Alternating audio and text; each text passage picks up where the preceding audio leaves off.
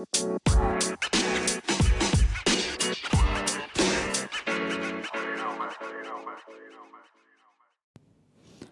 semuanya teman-teman, welcome back to my podcast, Andar Sofian Podcast. Uh, udah lama banget gue nggak ngepost, semoga teman-teman masih ada yang sabar menunggu mendengarkan podcast gue yang ngobrolin segala hal tentang Juventus.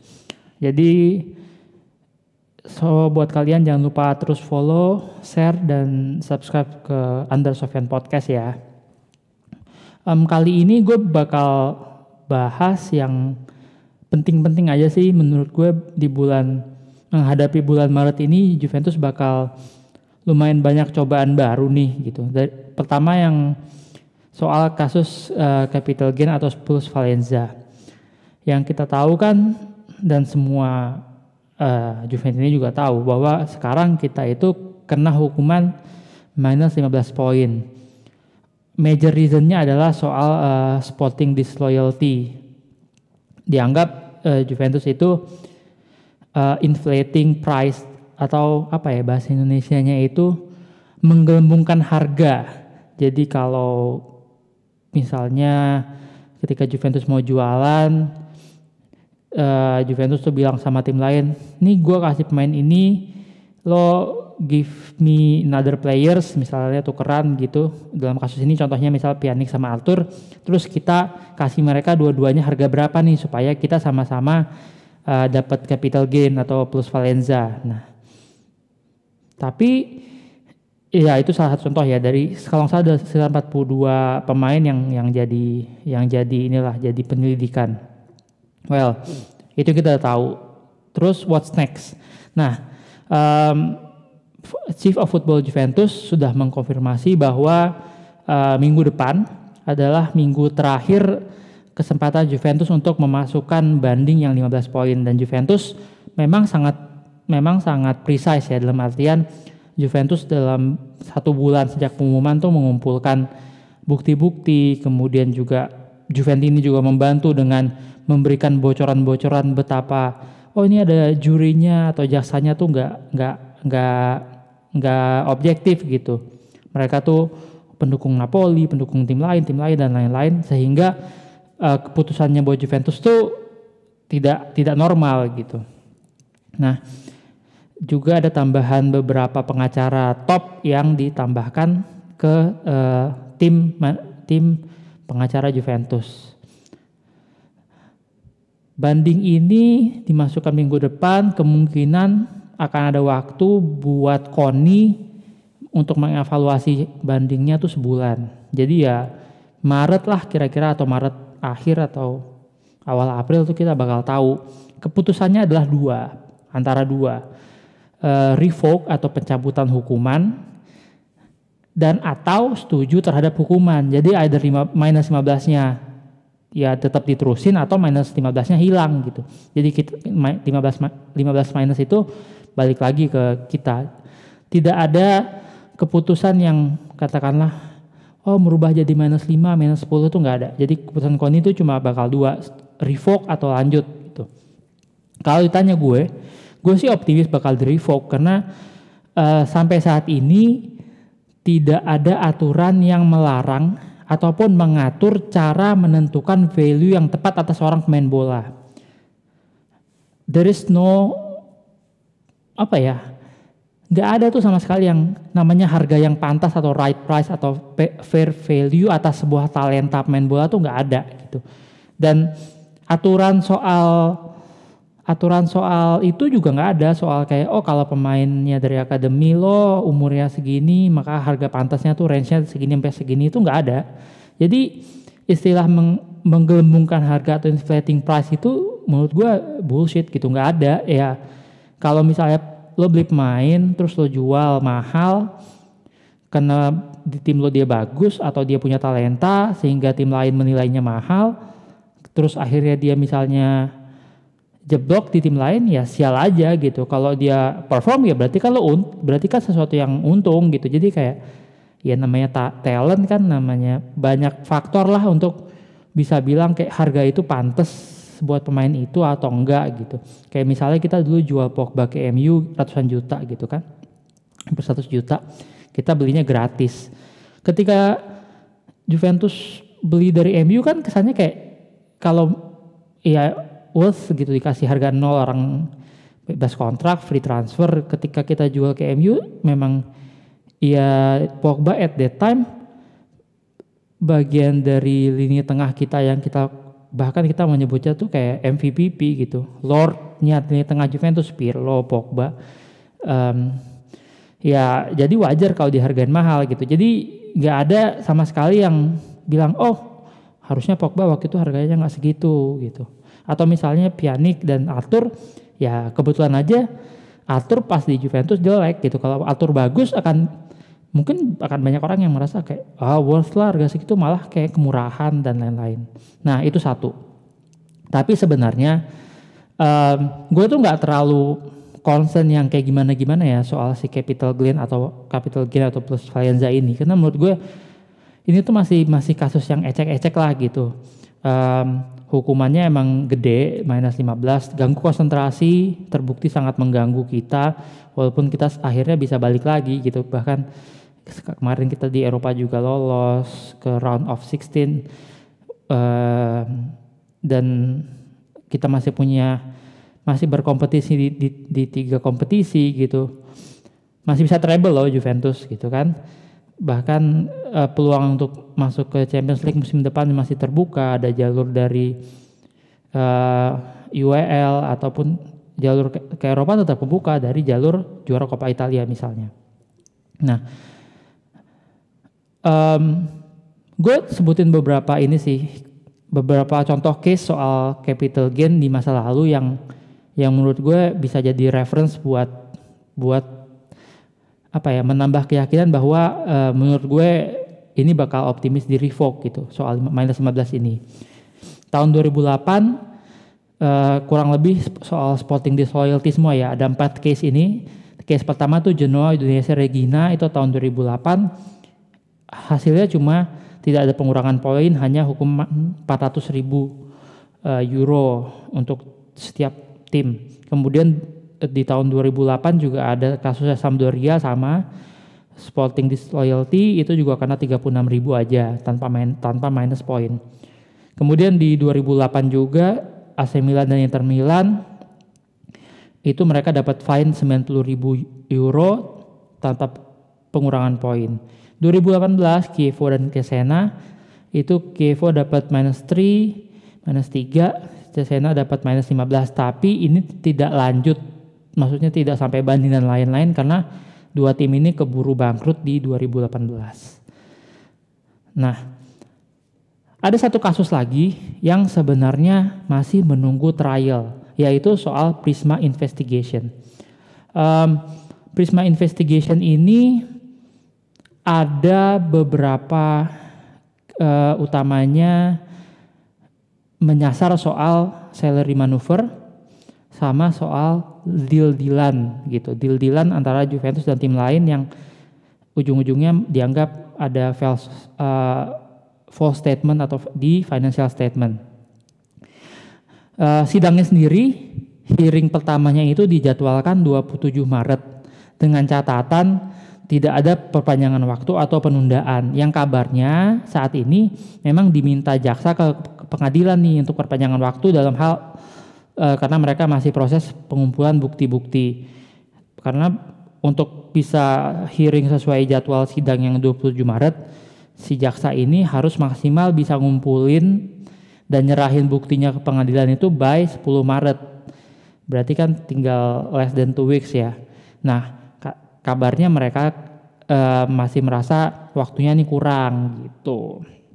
Nah, Prisma Investigation ini terkait salary maneuver yang dilakukan Juventus tuh bukan cuma satu kali, tapi dua kali. Juventus itu ngelakuin yang namanya salary maneuver ini di uh, bulan Maret tahun 2020 dan April 2021. Di bulan Maret 2020, waktu itu masih semua ingatlah itu awal pandemi yang pertama kali uh, stadion di lockdown, tidak ada kompetisi sama sekali. Juventus request pemain untuk give up 4 bulan gaji mereka. Sehingga bahkan Juventus ngasih press release dengan pemain give up 4 bulan gaji, Juventus bisa save 90 juta. Tapi ada perjanjian antara Juventus dan pemain yang tidak dirilis yaitu kalau liga dilanjutkan uh, maka pemain cukup give up satu bulan gaji dan tiga bulan gajinya akan tetap dibayar. Itu salary manuver yang pertama. Salary manuver kedua itu di April 2021. Uh, eh, kompetisi masih belum normal, stadion masih gue lupa full, yang pasti belum full. Uh, either setengah atau berapa persen, pokoknya pendapatan tuh masih masih minim banget lah Juventus. Ada lagi nih pemain di request untuk give up lagi gajinya di 2021. Tapi Juventus nggak rilis apa pun tentang hal ini. Padahal sebagai uh, public listed company mereka wajib. Nah ini yang di, dikejar sama si konsop atau OJK-nya Itali gitu. Um, ada 17 main waktu itu yang um, menandatangani di 2020 dan 2021. Kalau kalau kalian sempat baca berita Selasa lalu tanggal 21 Februari 2023 Financial Police tuh manggil Paulo Dybala terkait um, terkait dengan dua salary manuver yang di tahun 2020 dan 2021 ya ditanyakanlah apakah benar kejadian dan lain-lain karena di bala itu satu dari 17 pemain yang ikut menandatangani uh, perjanjian itu gitu. Um, di antaranya 17 pemain itu gue sebut aja ada Bentakur, Bernadeschi, Bonucci, Chiellini, Chiesa, Cuadrado, Danilo, Demiral, Ronaldo, Cristiano Ronaldo, Dybala, Kulusevski, Alexandro, Weston McKennie, Rabiot, Arthur, Ramsey dan Sesni. 17 main ini yang um, kemungkinan bakal ditanyai lagi oleh Financial Police untuk melengkapi berkas-berkas data-data uh, terkait persidangan yang akan dilakukan di awalnya rencananya adalah tanggal 27 Maret. Nah, um, yang bikin deg-degan lagi, maksudnya dalam arti agak rumit gitu. E, beberapa hari yang lalu jaksa Italia, oh sorry, jaksa Turin tuh kirim surat ke jaksa di kota Bologna, Udine, Genoa, Modena, Cagliari dan Bergamo, khususnya untuk mem meminta jaksa-jaksa di kota tersebut memeriksa hubungan istimewa antara Juventus dan tim-tim di kota tersebut. Sebagai contoh, um, beberapa hari yang lalu itu ada panggilan ke Rolando Mandragora. Mungkin ada yang ingat pemain ini. Um, ya bisa dibilang sempat jadi talenta muda yang menjanjikan sebelum cedera ACL ya. Nah, Mandragora ini di tahun 2018 Juventus tuh jual ke Udinese 26 juta. Kemudian di tahun 2020 Mandragora tuh dibeli lagi sama Juventus seharga 10 plus 6 juta alias 16 juta ke Udinese.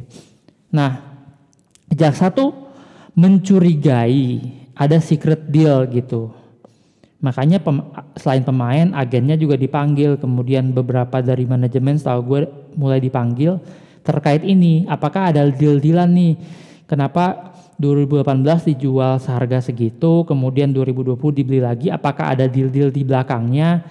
Um, yang ujung-ujungnya balik lagi soal um, mereka carinya false statement di financial statement ya jadi kayak hal-hal yang tidak dicatatkan di laporan keuangan karena kalau misalnya kayak tadi soal salary manuver itu kan um, ketika Juventus menghilangkan 4 bulan gaji kemudian menjanjikan akan membayar lagi yang tiga bulan ketika liga dilanjutkan harusnya di laporan keuangan itu masuk di hutang gitu.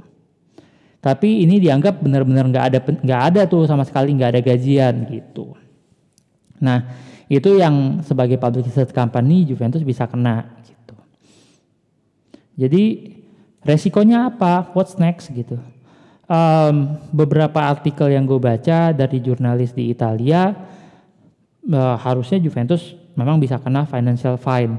Nilainya berapa? 40 sampai 100, 120 juta euro.